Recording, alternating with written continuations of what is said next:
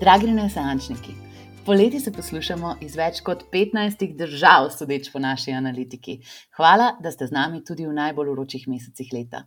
Danes bomo naslovili izziv vračanja v odlično fizično in delovno formo, ne samo po počitnicah, ampak tudi kot priprave na september, ki je poleg meseca januarja takrat, ko se nas več ljudi odloča za spremembe.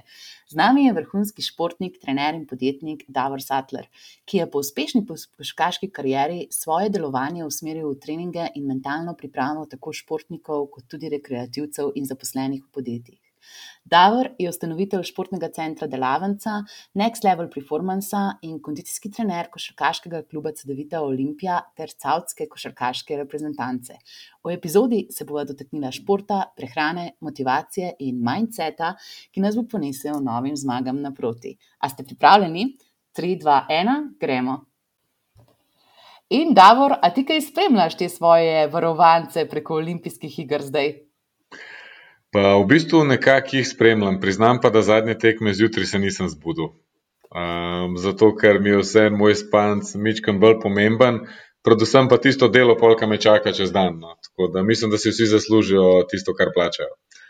Um, da, pa dobro, mogoče si pa vedel, da bojo že zmagali. Mislim, bil sem prepričan, to je definitivno. No. Tako da sem, tako sem prepričan tudi za danes, da bodo dali vse od sebe in bomo navdušeno spremljali pred ekrani.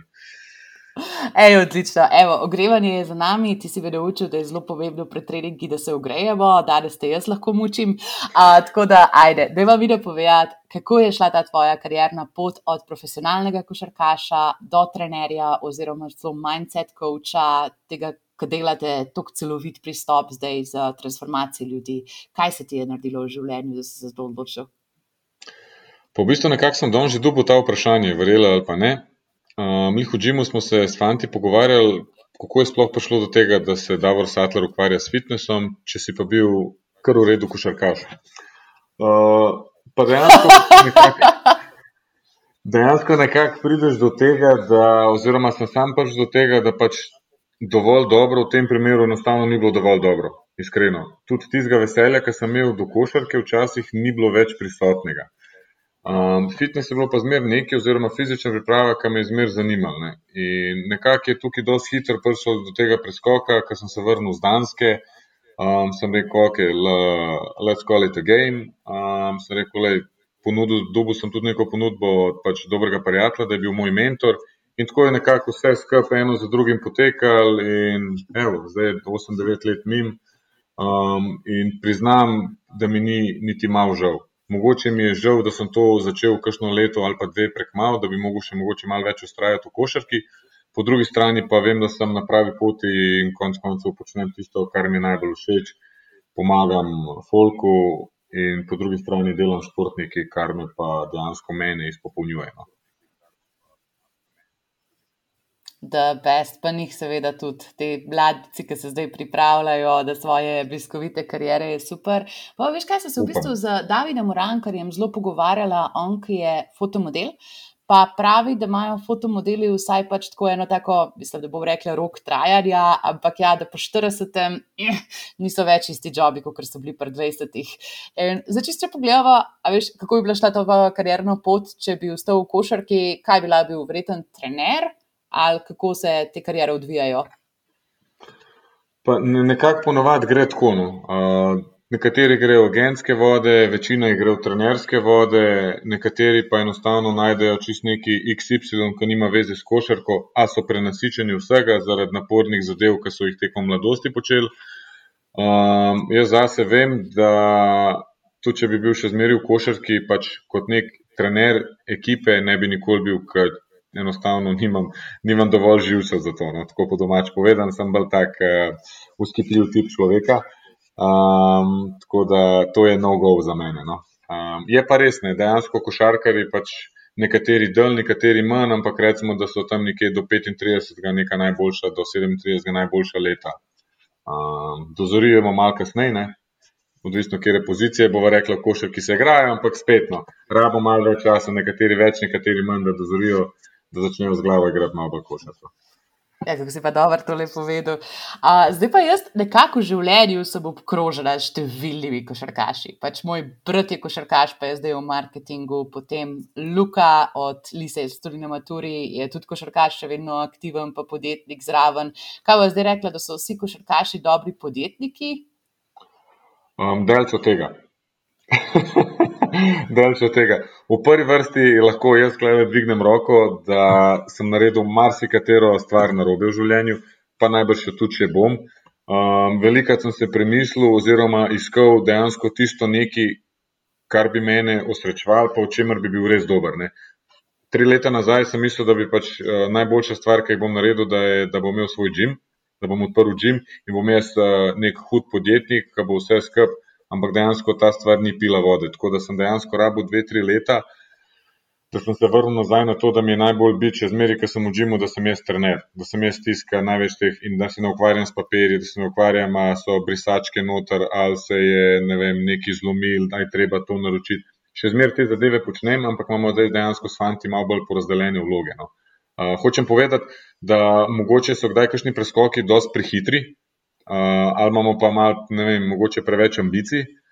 Um, zdaj izhajam iz sebe. Ne. So pa pač na drugi strani nekateri, ki so zelo uspešni, ki najdejo neko stvar, ki jih res zelo zanima in so tistam uh, zlezejo dosti višji, kot bi iz košarke, uh, samo v košarko uspel. Po drugi strani imamo pa pač une, ki so pač totalno tudi zabluzili. No. Um, mm. Tako da ne bi jaz rekel, da so vsi, ki so košarkaši, da so um, uspešni tudi v biznisu. Um, prej bi rekel, da imaš ti srečo oziroma neko energijo, da prelačaš take ljudi. Pa dobro, ampak veš, po drugi strani pa jaz bi še vedno mogoče malo ostala na tej misli, ta disciplina, to, da ustrajaš, to, da se ne oddaš, to, da imaš ta mindset, ki ti tudi zdaj veliko delaš s podjetji na tem nivoju. Jaz se spomnim, kako smo se mi spoznali, pač bila je tista karantena, jaz sem vam malo krešala na ene treninge, ki ste jih imeli za enega svojega naročnika. In tisto le, je bil en takšen moment, ki te je na energizer, mislim, ki ti je pomagal čez dan, pač dal ti je eno pozitivno motivacijo motivacijo za naprej. A je to nekaj, kar se pa mogoče naučiš v športu, pa lahko preneseš v podjetniške vode? Definitivno. Le, jaz vsakmu staršu, ki komuniciramo glede mladih, ki pridejo k meni, pa 13-letniki, pa 15, pa sploh oni 17-18, ki je glava vse povsod, pa nikjer. Um, Zmeraj rečem, da pač le v športu, pač ful je pomemben za razvoj otrok in zato je to leto, leto pa pol zdaj, ki je bilo, ker so tam mali ostali brez treningov, to je nekaj najhujšega, kar se je zgodilo. Zato, ker enostavno vsi starši doma nimajo um, niti te energije, niti časa, konc koncev, niti mogoče nekih finančnih sredstev, da bi lahko si prvoščali, da bi tam male kot sami zaposlili, da bi oni lahko to stvari delali. Šport je res pomemben iz tega vidika, zato ker ti da veliko, kot si že povedala, ustrajnost, delovne navade, um, odpovedovanja, padeš, pa se pa ostaneš, pa spet padeš, pa ostaneš. Tukaj je toliko enih stvari, ki ti lahko dolgoročno v življenju pomagajo. Jaz vsakmu rečem, fantov, pač pravim, le, bodimo iskreni mnogi od vas ne bojo igrali košarke dolgoročno gledano, oziroma ne bojo igrali na nekem zelo visokem nivoju. Ampak to, kar se mi zdaj učimo, to, kar mi zdaj delamo, se reko, to ne mi, da, da vam želimo karkoli slabega ali karkoli, ampak dolgoročno vam bo to, lej, čez leta se boste spomnili teh besed, ki vam zdaj govorim. Zato, ker pač enostavno neke navade, ki se jih naučimo skozi te, ta najbolj pomembna leta, tam nekje od 13 do 20 leta, to imamo par for lifetime, ne, dejansko. Ej, to si pa zelo lepo povedal. To pa je že prvi kandidat za citat tega podcasta, ampak lej, nismo še končali, tako da sigurno jih bo še veliko, pa bomo zdaj najboljšega. Spet ena športna, ok.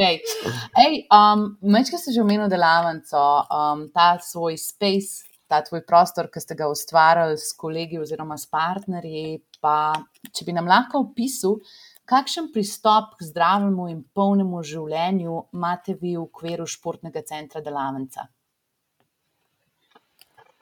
Um, kakšen pristop? Pač vse se začne s tem, kar si že v bistvu nekako umela, nekako v vprašanju.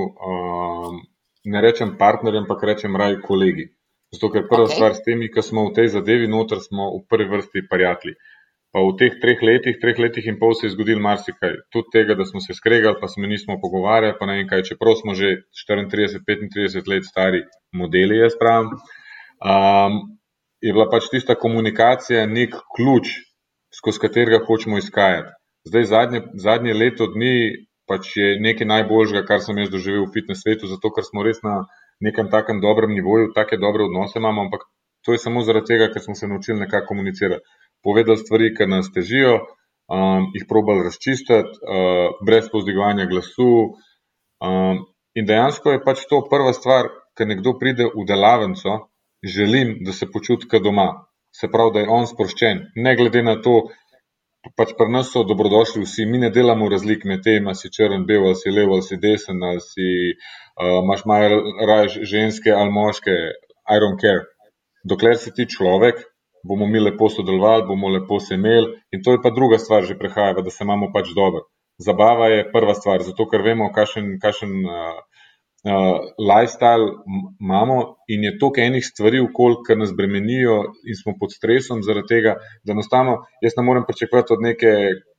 Bomo rekla, gospe, ki fura svoj biznis, ima dva otroka, mogoče kakšne težave doma z možem, da ni, da jaz zdaj prijem in jo bom jaz totalno sesul dvakrat, trikrat na teden, ko pride domov in bom dal roko in jo bom poslal v garderobo. Pač te, te, tega se ne gremo. Se pravi, da komunikacija, da je neka dobra energija, s katero se vsi hranimo, Um, Šele tukaj pa pridejo pa na vrsto vse ostale aktivnosti, bom rekel. No. In treningi, in prehrane, in svetovanje, in pogovarjati se, zakaj se sploh do nekaterih stvari prihaja, se pravi, vse te mindset zadeve, kot si že omenil. No. E jaz sem tako vesela, da so se o tem začela pogovarjati, zaradi tega, ker glih poletje je en takšen prelomen čas. Nekako nas premami, da opustimo kakšno dobro navado, ki nas je odlikovala v letu. In zakaj misliš, da je glih poletje, tako pa bo rekla, naravna prelomnica, po kateri se moramo pa spet sestaviti znova. Tako, a ti pri svojih strankah kaj tasga opažaš? Uh, mi imamo mogoče mičken drugačen način dela. Um, že po defaultu je tako, da pri nas so stranke vključene v konstantno delo. Se pravi, nekatere stranke tudi, ki grejo na morje, me vprašajo, da bi lahko pripravil neke treninge, da lahko še na morju počnem. Pa jaz sem delč, delč od tistega Hitlerja, ki bi zahteval, da se dela vse by the book. Vrsti, oni sem... tebe vprašajo, če lahko trenirajo na morju. Če jim lahko pripravim kakšne treninge, ki jim je lažje. Ampak dejansko, ja, tudi, ja le, se boš videla, ko boš prišla v delavnico, mogoče to tebe zamika. Um, skratka, želim povedati to, da um, aktivnost, trening in vse to, kar počnemo, je pač del lifestyla. Zdaj, nekateri so z mano že pet let ali pa več, iskreno. Pa zdaj ne bova rekla, da oni ne znajo sami trenirati. Oni točno vse vejo, kako se vaja izvaja, kako si trening pripraviti gor dol. Samo vse je laže, če je pač Davor pripravil neko zadevo, zato ker sem jaz na morju in jaz ne bom obremenjeval svojih možgančkov tam, ampak bom samo to naredil, to, kar mi je Davor poslal. In to je to. In oni, ki pridejo domov z morja ali pa z dopusta ali pa kjerkoli, pridejo nazaj v Gmail, hej, Davor, kdaj se lahko, da, da, da bi spet začel in tako. In dejansko smo mi v procesu treninga, bom rekel, 365 dni na leto. Ne. Zdaj, eni trenirajo dvakrat na teden, eni trikrat na teden, je pa dejansko čisto vse en. Enim, ki grejo na dopust, ne pašajo treningi, pa raje več kolesarijo, plavajo, surfajo, kajtajo, karkoli. Um, ampak je dejansko tako, da ni. Imáš pa fitness centre, kjer je pa poletna sezona, kar bomo rekli, ukrnjena, kar pomeni, da so dva, tri, štiri mesece brez uh, treninga in potem spet pride nazaj. Ampak to je za telo, Zato je kar obremenjujoča zadeva. No? Tako da raj pripovedujem, jaz pač zagovarjam zmer neke manjše premore. No? Da, in poletje, sonček, pijača, delaš celo leto, garaž, daš denar mogoče na stran, zato da si polet lahko prvoščiš stiki. Sej v mejah neke normale je to v redu, ampak si pa ti enkrat usvojil ta zadev, da ti je pač aktivnost del tebe. Ne boš ti nikoli imel problemov, da bojo kila, da bo vem, teža nihala 10-15 kg gor dol. Um, tako da ponihal kilo, kilo, dve, tri, ampak pač vse to je življenje. Ne? Tako kaj ene stvari grejo gor, nekaj enkrat gre dol. Važno je, da dolgoročno, kad ti pogledaš čez pet let, da vidiš pač neko razliko in v glavi in pač uh, na telesu. No. To je zelo zanimivo, kar si rekel, kako to postane del življenjskega stila. Ker jaz tudi tebe včasih daj tako stokam na Instagramu, pa vidim, da nisi glih porist glede tega, kaj se poje, pa kako se živi, pa tudi kakšno pijačko včasih tam pa tja ne se vidi. Tako da, um, ne vem, zdaj, kar razmišljam, kaj te poslušam, ali gre bolj za granularne spremembe, oziroma da se naredimo tako mikronavade v svojem življenju, ali gre za, ok, septembra bom pa jaz postala nova Maja in zdaj pa treniram 10 ur na teden in ne pojem nobenega oglikovega hidrata več. No, to, to, to zadnje, kar si rekla, mnogo. To pač ne bo pil dolgoročno. Ne, okay. ne, ne pije vode. Pač dejansko to je bilo že nešteto, kar dokazano, da marsikdo kdo je šel čez to. Um, tako da, in pa si skozi v nekem začaranem krogu začenjaš, pa končuješ, pa začenjaš, pa končuješ. In spet, ko jaz pri teh zadevah, ki se pogovarjam, jaz rad iz sebe izhajam, kot si že omenila, recimo, kakšne storije ali pa te zadeve. Um, V prvi vrsti, recimo, jaz sem konec junija šel na daljši dopust, ponadri zmer konec junija, zato ker imam čez poletje veliko basketašov, ki so v džimu in raj posvetim juli temu delu. Ne. Moje pa za vikende hodijo uživati na morje, kar je čisto v redu, pa sem pa še jaz ta združil. Skratka, um, jaz imam zmer navado zjutraj, da vstanem, recimo, da začnem delati ob šestih ali ob sedmih, vstanem eno uro prej, in naredim 10-15 minut dihalnih vaj, naredim 10-15 minut um, razgibavanja, se pravi nek mobility kratek in pa nekih 10-15 minut branja. Čisto odvisno. Kdaj je malo več branja, kdaj je malo več mobility, odvisno kako se zjutraj počutam. In dejansko, ko sem bil na dopustu, je tisto padalo v vodo. Zakaj? Ker sem zato, ker nekaj stvari počnem celo leto. Ne bom rekel, da mi je tisto bilo odveč, ampak mi je bilo odveč zjutraj ustati prej, zato ker mi je sedel poležati, pa to ne pomeni, da jaz do desetih, pač jaz se zbudim v sedmih, pol osmih, še zmeraj v vsakem primeru. Ne. Ampak želim povedati, da pač je ok, pač ni, ne rabaš biti uh, strikten glede nekih zadev tok. Spet odvisno, če ti hočeš biti, ne vem, uh, na stageu ali pa ne vem, kar koli, bodybuilding, ne vem, kakšna tekma, ne, tam se pol lestvica premakne malo višji gorni. Ampak ker mi govorimo o splošni populaciji, to, kar počnemo, v vsakdanjem življenju, no tukaj so pa zadeve lahko malo bolj zmerne. Ne. In jaz dejansko še zmeraj nisem padel nazaj v ritem, noter pa je že avgust. Niti se s tem ne obremenjujem. Zato, ker vem, da so zdaj neke zadeve, ki rabijo malo več prioritete, med drugim je to spanc, ki ga rabim zdaj malo več, zato ker tudi delam veliko in vem, da mi bo mogoče spanc malo bolj koristil. Po drugi strani, čez dan nimam full časa za moje, kar pomeni, da zvečer lahko izkoristim ta čas, da se z Natašo lahko malo več poklepetava, ker še muvi pogledam in take zadeve. Ampak to je čisto v redu, ne, če pač veš, kaj pa kako. Ne. Po drugi strani, glede hrane. Ker se ti naučiš svoje telo nekako malo poslušati, kaj ga spoznaš, kaj vidiš, kaj mu ustreza.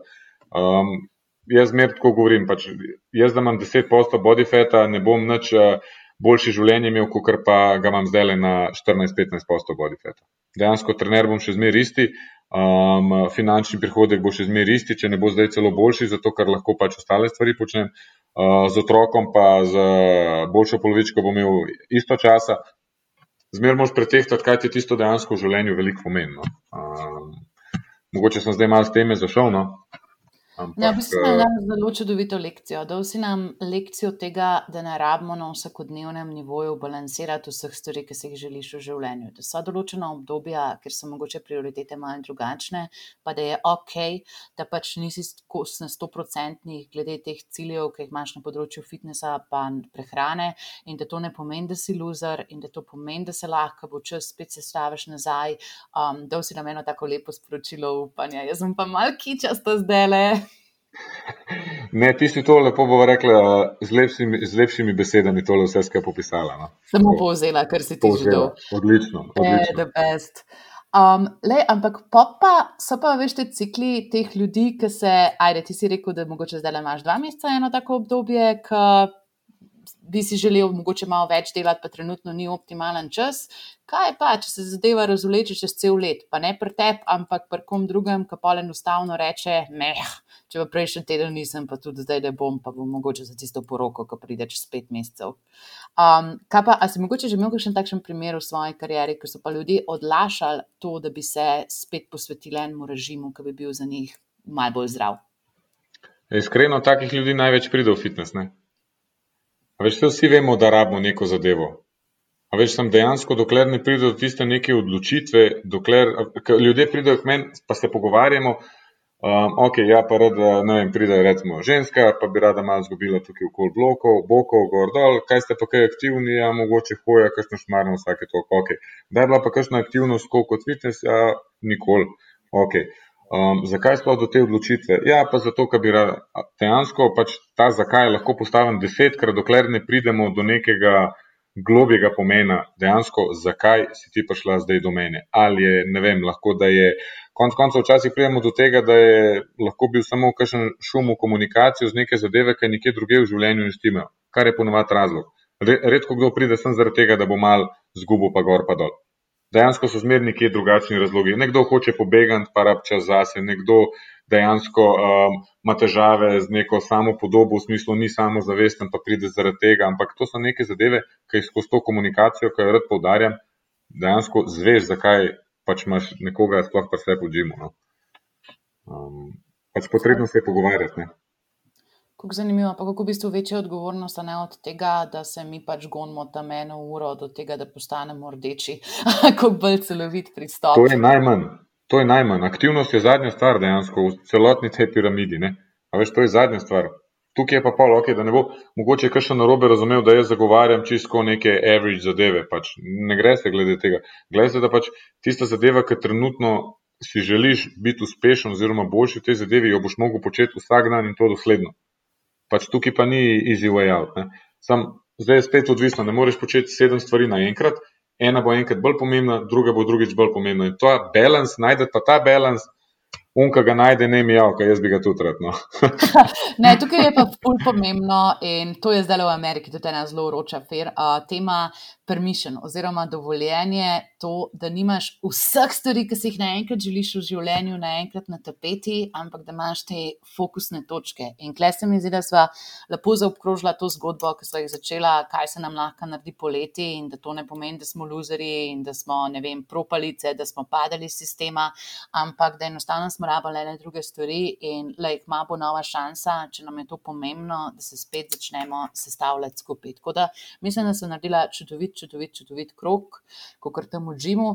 Pa mogoče zdaj le sam še um, ta motivacijski del. Se pravi, če se pa jaz ne spravim sploh do te točke, da bi šla v Džim, oziroma da bi naredila eno tako prelomnico, veš, ki bi si pomagala narediti ta preskok med ležernim poletnim časom in v tem, da želimo stvari postaviti spet na tisto mesto, kar so psihično in fizično. Um, kaj pa, kakšne pogovore pa če imaš z ljudmi na tej točki? Pa veš, kako jaz nisem nek um, full pristaš nekih motivacijskih govorov. Jaz sem pač grejo, no?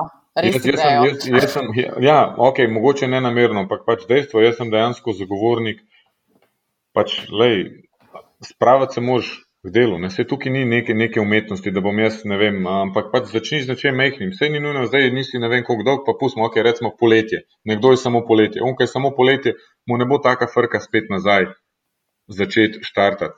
Unka pa že dolg ni, more pa najdati neko zadevo, a ne bo to zdravje, ker vsak, vsakmu v življenju neka zadeva ne štima. Okay? Se pravi, ali, to, ali so to odnosi, ali je to, ne vem, a, mogoče vizualno preveč kilogramov, ali pa da si konec koncev presuh, pa ti to ni všeč. Um, ne vem, imaš glavobole, si slabokrnen, zdravstven, you name it. Pač nekdo sigurno ima neko zadevo, ki pač ne štima. In neka rekreacija, pol ure, pa ne bo to hoja, pa ne bo to šmarna, rožnik, s slušalkami, brez telefona, z, mu, z musko, lahko tudi sam s sabo, s prijateljem, ki ga dolgo nisi videl karkoli, pač nekaj začni. Zakaj? Zato, ker potem, ko boš ti nekaj naredil zase, se boš ti počutil tisočkrat boljš. Ne boš ti rešil nobene težave s tem. Ampak ti bo dal to mogoče nek zagon, ko boš to večkrat ponovil, pa boš pa rekel, ok, zdaj pa je čas, le to pa to pa to sem začel, zdaj bom pa jaz uh, ne bom uh, zjutraj uh, preskakoval zajtrka, kar se recimo drugače zvečer preveč prenažiraš, ampak bom začel s tem, da bom pol ure preostal, pa se bom pripravil en tak obrok pa boš tukaj nadaljeval in boš temu dodal, mogoče, ok, s prijateljem bom šel, me vab, grem tja v eno skupinsko vadbico pogledati, pa bom šel tja, pa dvakrat na tem dodaš neko skupinsko vadbico. In tako se pa začne neke zadeve, ok, pa začneš ti brati, pa raziskovati, o, voda, koliko je pomembno, zdaj se bom jaz kupila flaško, bom imela flaško zraven v pisarni, da bo to. In to so neke spremembe, ki jih ti dejansko ne opaziš iz danes na jutro.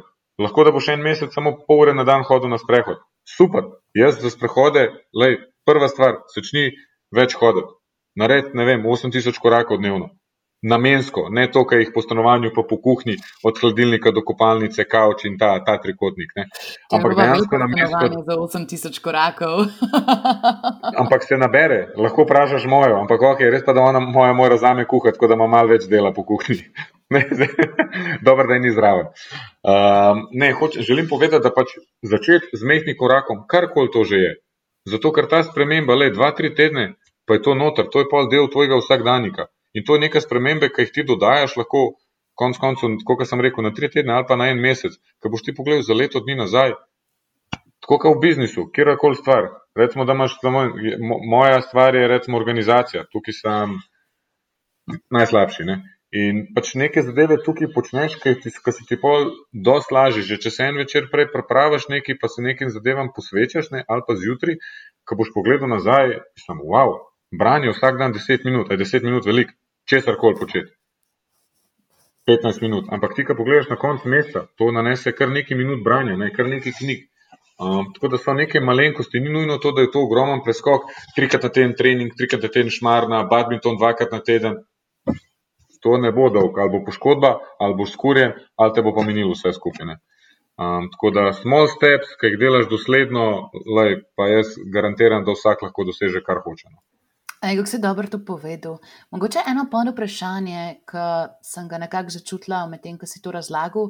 Um, kaj pa, če ti to ni všeč, kaj delaš? A si lahko inženiraš, oziroma nekako po svoje možgane prilisičeš, da najdeš take mehne momente veselja, ne vem, ko grem. Trikrat na šmarno, lahko dve uri gledam film. A imaš mogoče kakšne take namige tudi, kako si te aktivnosti, ki iz prve ponovadi niso prijetne, ne, če greš iz ničke na enko, um, kako si to narediti mečkam bolj zabavno. Veš kako, lej, um, dejansko pa če greva nazaj v fitness, a misliš, da je, ne vem, recimo meni ali pa komorkoli, da je ful všeč delati težke počepe, pa se spuščati 5 sekund, ali pa na konci iti na unkolo airdyne, kad delaš na kondiciji ali pa take pač ni, mislim, ni, ne. se pač meni tudi ni užitek, ker sem mogel za prvo licenco, ki sem hotel za fitness delati, predelati tako knjigo, plus da je bilo v angleščini, ki tak nisem tri četrti izrazov razumel. Veš, ampak pač čez neke zadeve greš, ker veš, da ti bo koristil. Jaz ljudem pravim, ki pridejo k meni v fitness. Se reko, ok, um, večina jih je zato, ker rabijo, ker vejo, da rabijo aktivnost in rabijo nekoga, da jih brca v rit. To je dejstvo. Um, ampak ni pa vsem tem ljudem fitness uno glaven vir rekreacije, zato ker eni fu radi kolesarijo, drugi radi na odbojko hodijo, eni hodijo na mali nogomet, rekreacija, košarka, plavanje, smučanje, snob. To so tiste zadeve, v katerih ljudje uživamo. To, kar počnejo pri meni, je samo, bomo rekla, neka varovalka oziroma predpriprava, da vse ostale stvari v življenju počneš bolj varno. Dejansko. Plus, moramo vedeti, da recimo zdravstveno, če gledamo, pač fitness oziroma delo z otežmi je za preprečevanje marsikere bolezni in indikatorjev krvi zelo visoko gor. Ne? Pač dosti višji, kot pa recimo bomo rekla nek steady cardio, kot je lagana vožnja, lagan tek, sprehodi in take zadeve. Ne? Čeprav je tudi isto pomembno, ne bi narobe razumeti. Tako da hoče povedati, mogoče neke zadeve niso kul, cool, ampak veš, da jih delaš zaradi tega, ker boš ostale stvari v življenju lahko dosti lažje, dosti bolj kvalitetno počel. To je dejstvo. In po drugi strani, recimo, zakaj jaz to s podjetji, ki delam, zakaj jim probam te zadeve predstaviti. Ja, lej, unka bo manj bolezni imel, bo več prisoten v službi. Ne? Unka bo bil bolj zadovoljen, bo bolj zagnan, bo bolj delal. Pač vse, vse, pač fitness dejansko je nek multiplier. Ne? Se pravi, če ti. Zato, ker fitness, kot se zdaj razumela, um, ni, ni samo pač to, da pridem pa tja od razmečem v teži, ampak to, kar zajamem vse skupaj, to, kar zdaj le razlagam, Lej, jaz pač dejansko kakovo življenja gre na, na nek višji nivo. No. Absolutno. Pa mogoče je tudi taka stvar, sploh na začetku, to je pa ena stvar, ki je meni pomagala. To se bo neumen slišal, ampak jaz sem si vsak dan, ko sem telovadila, okrog datuma na koledarju narisala kvadratek.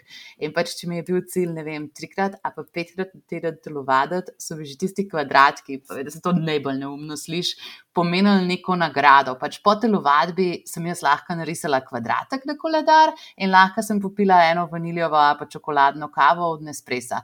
Tako sem si inžirirala, da imam potem, ne vem, ali pa tuš, ali pa neki tasga, veš, ki se veseliš, ki ti je tako pač pol kul. Cool.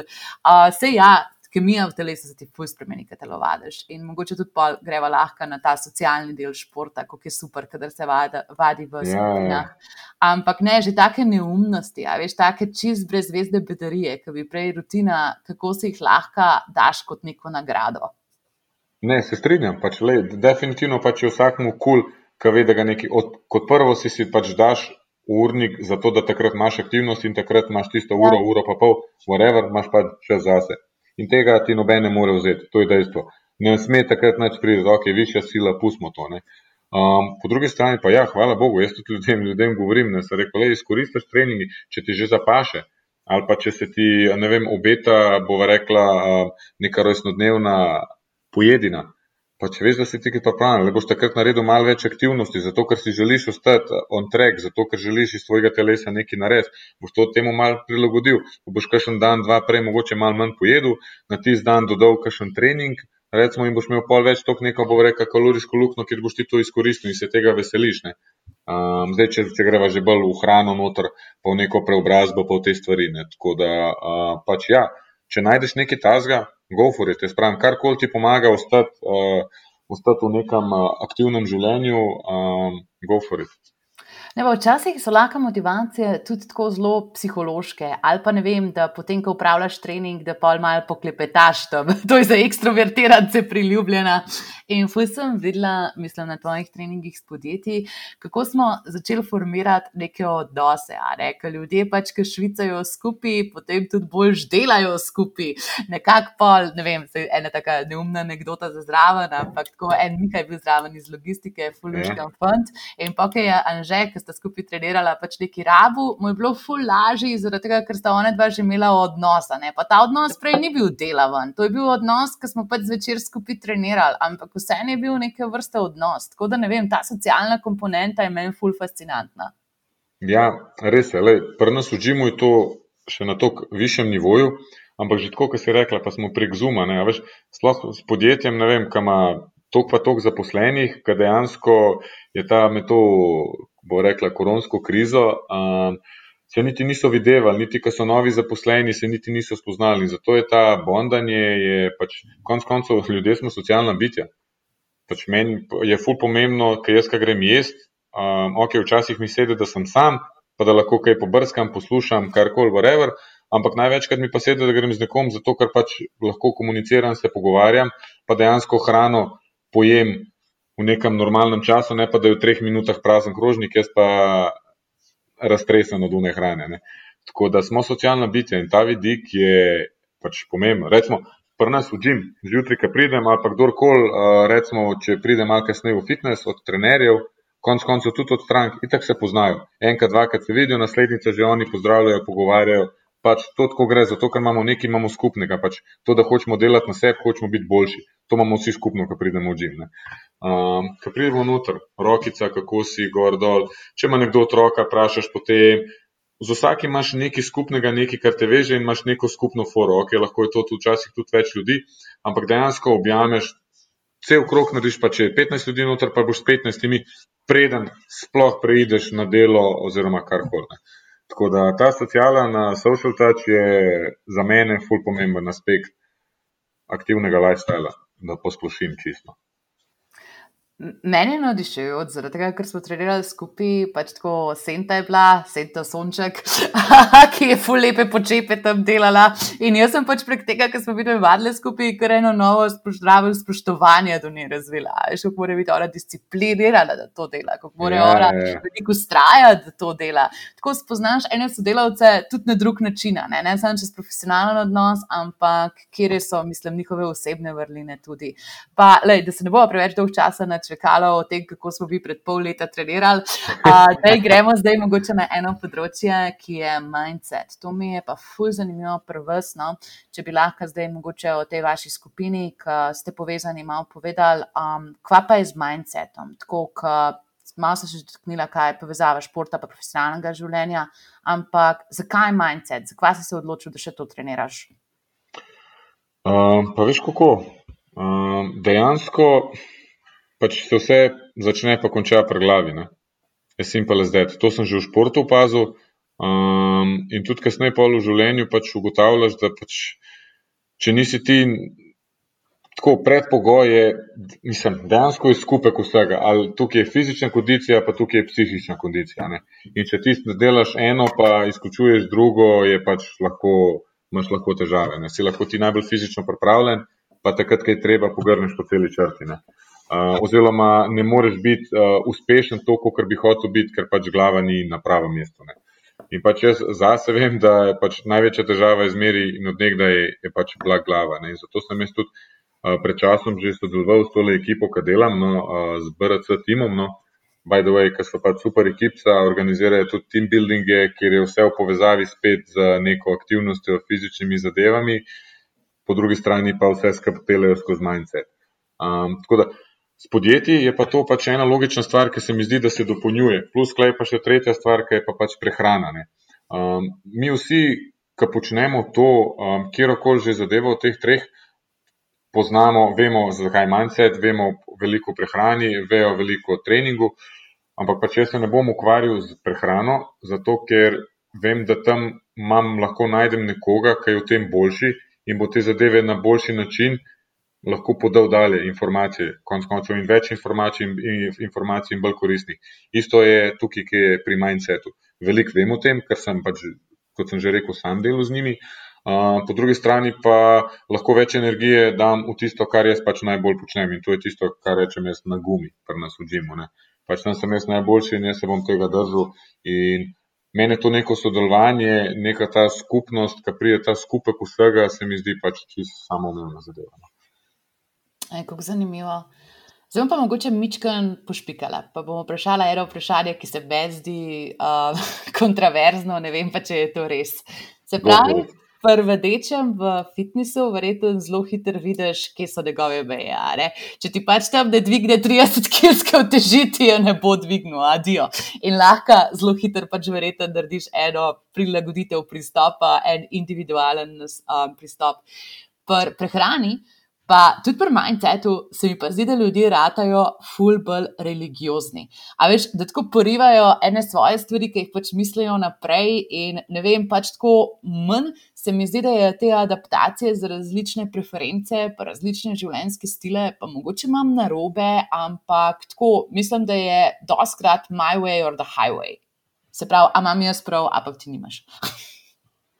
Ja, dejansko je to, ne? ampak tukaj je pa pač samo en, en dejavnik. Ne? To so pa prepričanja, ki nimajo veze z, rekla, z neko znanstveno podlago in znanstvenimi dognanji. No?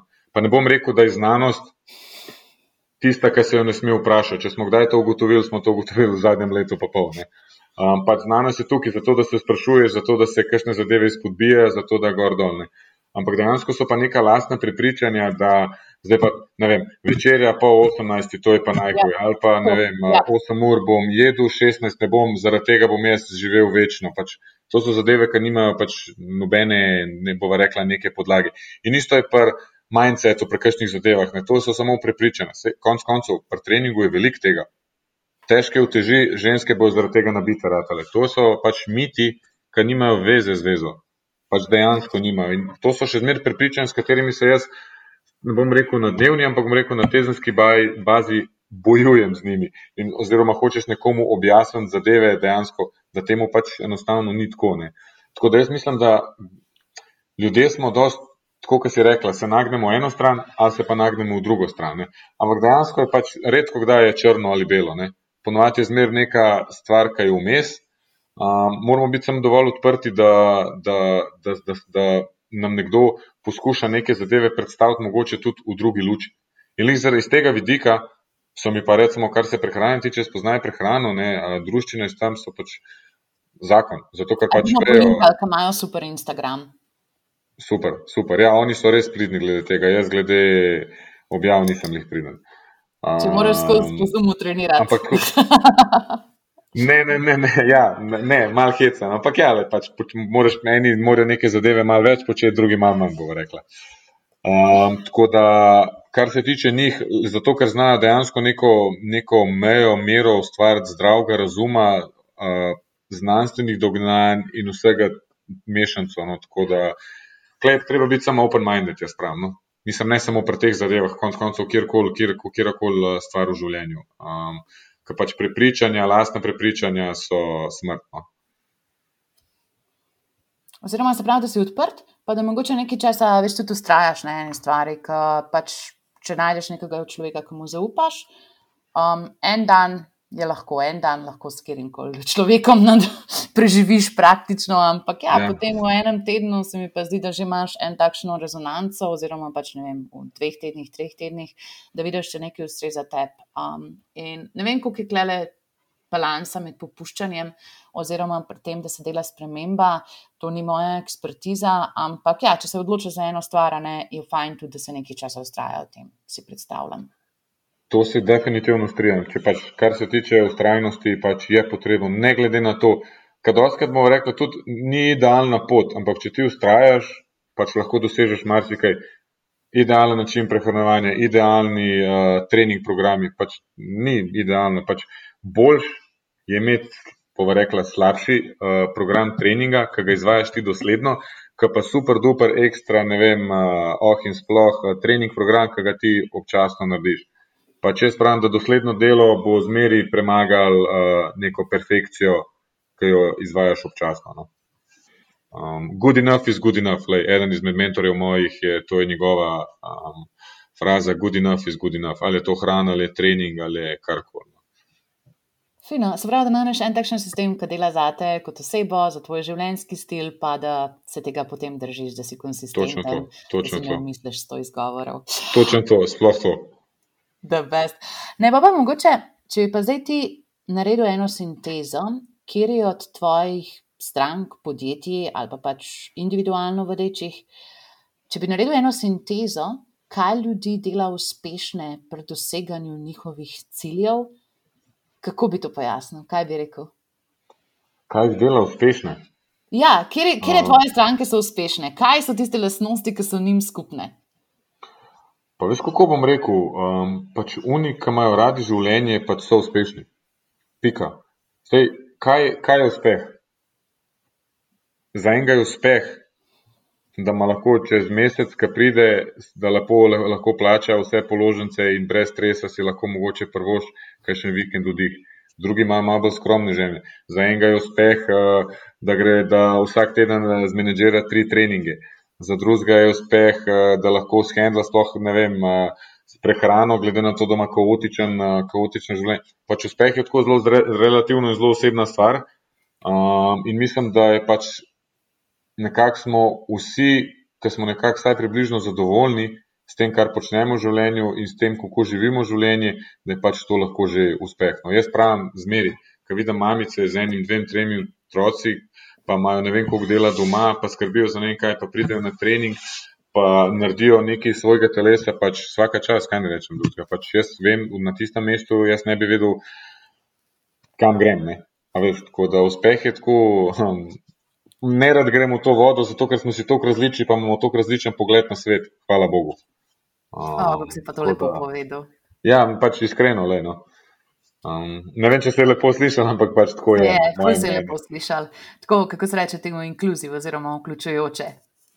Tako, to, to, to je bila tudi nekakšna želja. Ja. Ej, fu lepo. Ja, noč, zdaj pa september, ne? Jaz si predstavljam, da, ok, mogoče Vrš džim ni prazen med poletjem, ampak večino džimov je. Zdaj bomo pa mi prišli septembra nazaj in pa začeli živeti svoje boljše življenje. Kako se pripravljate ja. na vse nas, ki imamo tako visoko leteče cilje? Kako se pripravljate na jesensko sezono? Uh, pa veš kaj, se, mislim, se, se sezona, ka sezona. Ne bo nič, ni nič posebenega, ni nič novega, nekaj, kar že ne bi dal skozi. Uh, dejansko, ko ljudje pridejo nazaj, prva stvar, kar je, pač redno trening in jih sploh ne zbuzeriramo z drugimi zadevami. Uh, fiksiramo termine, to je prva stvar, zato da pač lahko odgovarjaš njegomu, da, si, da so počutijo accountable, ne, um, oziroma da morajo nekomu odgovarjati. Uh, pa se pa šele začnejo za ostale zadeve, no? pa, za, pa spremembe. Zato, ker z aktivnostjo, ker ti to dosledno začneš, pa tudi ljudje dobijo, kot sem že prej omenil, dobijo več interesa za ostale zadeve, pa bi mogoče malo hrano, pa kaj bi mi za spanje. in tako naprej. No. Tako da um, se veselimo, um, se veselimo, definitivno. Uh, pač sploh po tem uh, zadnjem letu, ki je bil tako dosti kaotičen, upam, da bo to malo bolj uh, potekalo uh, pod normalnimi pogoji, tako rečemo. Ej, da pes. Pa mogoče pripravljate kakšno inovacijo, kakšen nov trening program, kakšno novo, ne vem, filozofijo, ki boste učili, tako, kaj je zdaj novega za to sezono? Uh, veš, kako pri nas ne poteka, ni pri nas, pri nas imamo vadbic s 17 različnimi imeni. Uh, okay. Pri nas pač pridemo, prideš na trening, glede na tvoje potrebe, želje, se pač trening pripravi. Zdaj, če je skupinska, s kakšnim podjetjem, ki delamo skupinske treninge, tu znotraj, če jih je osem, probam jaz nekako individualno malo bolj prilagoditi ljudem, ne glede na to, kaj si želijo. Ne. Ampak, all in all, uh, inovacija, pač trening je, trening je sam po sebi dolgočasen. Trening je neka stvar, ki jo moš narediti, zato da lahko ostale stvari se ponavljam zdaj že, ne? zato da lahko ostale stvari v življenju počneš uh, normalno, varno, uspešno in tako naprej. Ne? Tako da, kasno nova vajeta, sem pa tja, ampak spet pač. Dokler je progresija, je vse vredno. No. Dokler si iz dneva v dan boljši, sem jaz zadovoljen. Ok, hvala za tole, Davor. Zdaj pa mogoče sam še za konec, a bi lahko povzel v nekaj stavkih, kaj so res tisti ključni nasveti, ki jih moramo upoštevati, da jeseni pridemo spet nazaj v svet v najboljši možni formi. Vsem vam, ki imate željo jeseni nekako zaštartati na novo, oziroma se boljš pripraviti fizično, poskrbeti za, tudi za psihično kondicijo iz svojega telesa, nekaj narediti, predlagam, da začnete počasi. Ne bojo to mehki koraki, ki jih počnete vsak dan dosledno, pa ne bo to samo hoja ali pa bolj kvaliteten zajtrk. Ok, potem počasi nadgrajujte, vsake dva, tri tedne dodajte neko stvar vam garantiram, da bodo rezultati boljši, vi pa definitivno bolj zadovoljni. Odlično, hvala lepa za tole, kratko jedrnato. In ja, tudi mi vam želimo super začetek nove sezone, razstorite na vseh področjih. In hvala lepa, ker ste z nami na tako lepo strukturiran način delil vse, kar moramo vedeti za priprave za jesen, za ni več za poletje. Dragi poslušalci, hvala lepa, ker ste nas poslušali. Kot vedno bomo full veseli vaših reviewjev, se pravi to, da delite epizode, da jo ocenite v vaši najljubši aplikaciji za podkaste in ali da svojim prijateljem poveste, da obstajamo. Lepo vodite, uživite poletje še naprej in naslišanje naslednji teden. Ciao!